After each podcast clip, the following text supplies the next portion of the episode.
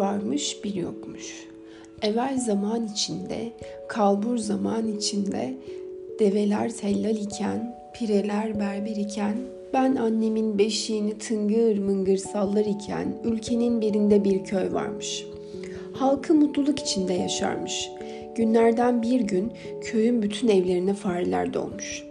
Binlerce fare köyün sokaklarında evlerde dolaşıyorlarmış. Ne bulurlarsa yiyorlarmış. Halk ne yapacağını şaşırıp kalmış. Köy muhtarından bu işe bir çare bulmasını istemişler. Muhtarın da elinden bir şey gelmiyormuş. Böylece köyün adına Fareli Köy denmiş. Fareli Köy'ün çocukları da bu pis yaratıklardan bıkmışlar. Bir gün Fareli Köy'e bir çalgıcı gelmiş. Muhtara eğer bana bir kese altın verirseniz köyü farelerden temizlerim demiş.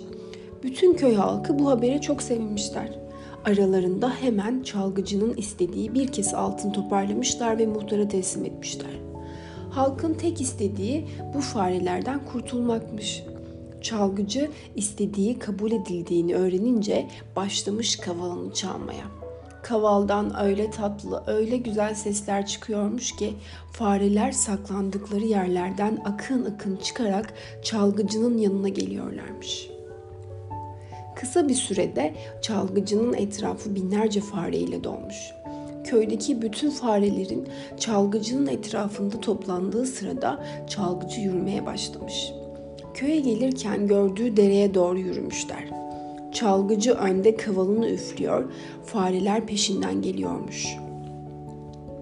Çalgıcı deri kenarına gelince suyun içine yürümüş.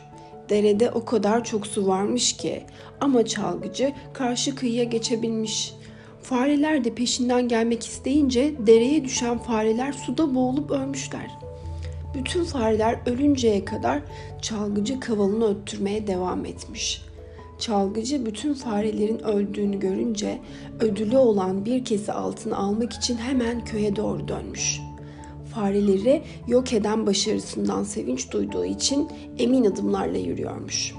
Sonunda köye varınca bir kese altınımı alırım, bu altınlarla şehre gider, işimi kurarım, ben de zengin insanlar arasına katılır ve rahat yaşamaya başlarım diye düşünmüş. Bu düşüncelerle muhtarın yanına varan çalgıcı muhtardan ödülünü istemiş. Muhtar oyun bozanlık yapmış. Nasıl olsa farelerden kurtulduk bir kese altını vermesem olur diye düşünmüş. Çalgıcıya çeşitli nedenler göstererek altınlarını vermemiş. Çalgıcı kandırdığını anlayınca ben size bir oyun oynayayım da görün demiş. Başlamış kavalını çalmaya. Kavalın sesini duyan bütün çocuklar çalgıcının yanına koşmuş. Çalgıcı da hem kavalını üflüyor hem de yürümeye başlıyormuş. Köyün bütün çocukları da kavalcının peşinden gitmişler. Köyde hiç çocuk kalmamış. Analar babalar kara kara düşünmeye başlamışlar.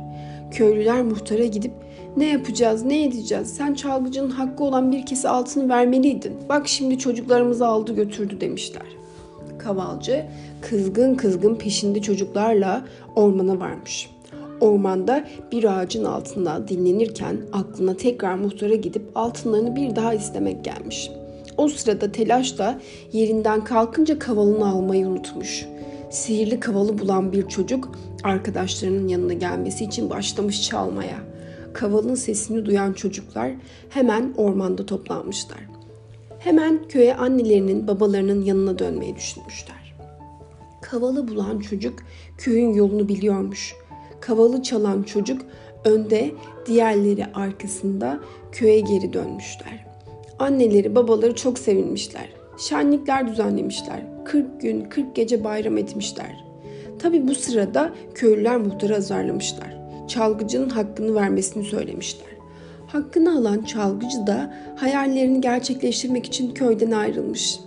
Onlar ermiş muradına, biz gidelim diğer masalları okumaya.''